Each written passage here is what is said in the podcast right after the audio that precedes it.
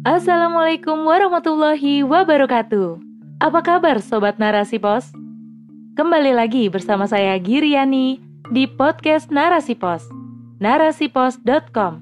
Cerdas dalam literasi media, bijak menangkap peristiwa kunci. Rubrik opini. Teknologi cryogenik, buah pikir makhluk yang menantang mortalitas manusia oleh Iranti Mantasari, DAIR, MSI. Potensi akal yang diberikan Allah Subhanahu wa taala kepada manusia memang luar biasa. Ia menjadi pembeda antara manusia dengan makhluknya yang lain.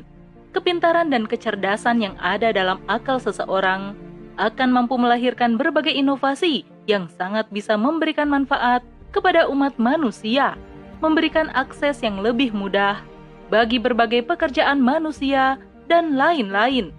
Meski demikian, tetap saja inovasi yang bersumber dari kecerdasan seseorang ini memiliki potensi ancaman terhadap peradaban manusia itu sendiri. Dunia hari ini dipimpin oleh peradaban sekuler yang memberikan ruang sangat luas bagi akal untuk berjalan semaunya, tanpa bimbingan wahyu atau landasan apa pun yang berdasarkan agama.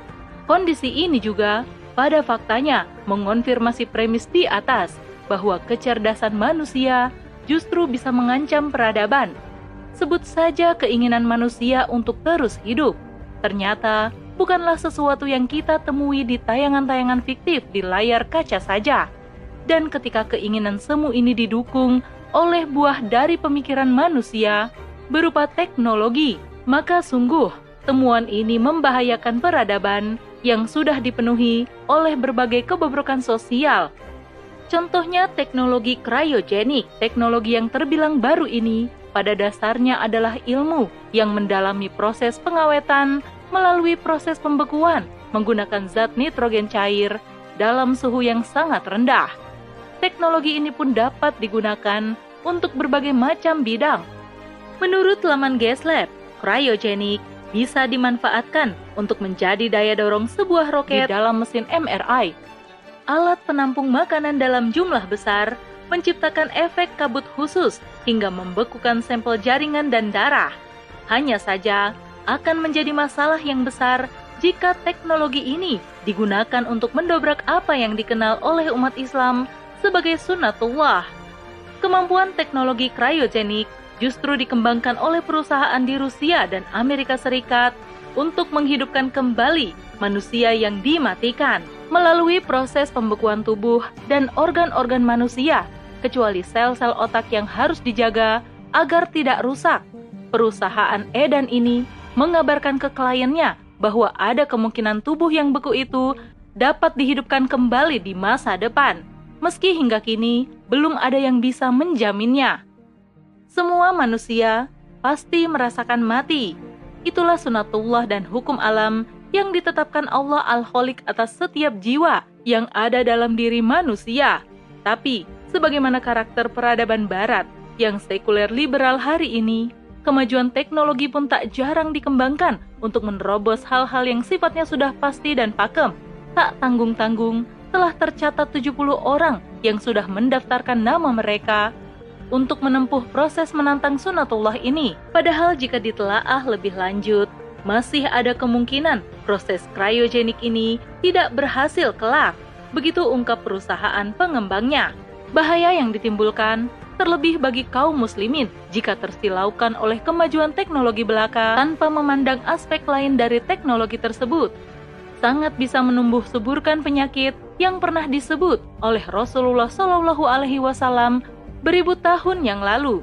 Penyakit tersebut tidak lain dan tidak bukan adalah alwan atau mencintai dunia dan segenap isinya, namun amat sangat menakuti kematian menimpanya. Iming-iming perusahaan kepada para klien dengan kemungkinan bisa dihidupkan lagi.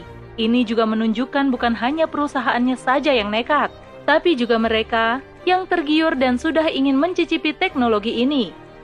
Pertanyaan mendasar yang pasti dimiliki oleh setiap manusia, yakni hendak ke mana, akan melakukan apa, dan setelah kehidupan dunia akan ada apa. gagal diletakkan jawabannya pada posisi benar oleh pengagum teknologi ini. Sebagaimana yang sudah didesain oleh Allah Sang Pencipta, alih-alih menjawab dengan jawaban yang akhirat sentris, jawaban yang justru mengutamakan materi dan ketiadaan hubungan alam akhirat dengan kehidupan dunia yang dilontarkan itu, justru semakin menunjukkan betapa kapitalisnya peradaban barat yang kita saksikan bersama-sama hari ini pengembangan teknologi yang dikapitalisasi dan nihil tuntunan wahyu hanya akan melahirkan pemikiran yang nyeleneh, bahkan seringnya menentang fitrah manusia itu sendiri. Orientasi peradaban barat jarang mempertimbangkan aspek nilai agama dalam setiap produk yang dijajakan. Sedikit banyak telah mempengaruhi umat Islam yang notabene bagian dari peradaban yang rusak ini.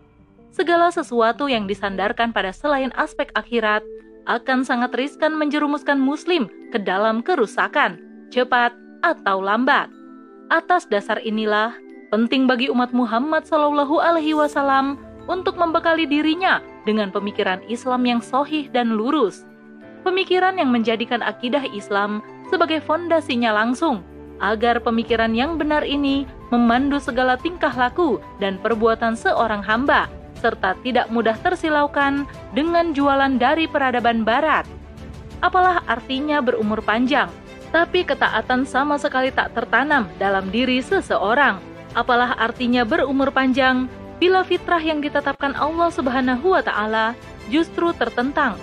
Apalah artinya berumur panjang jika benci dan murkanya yang terengkuh, bukan cinta serta ridhonya.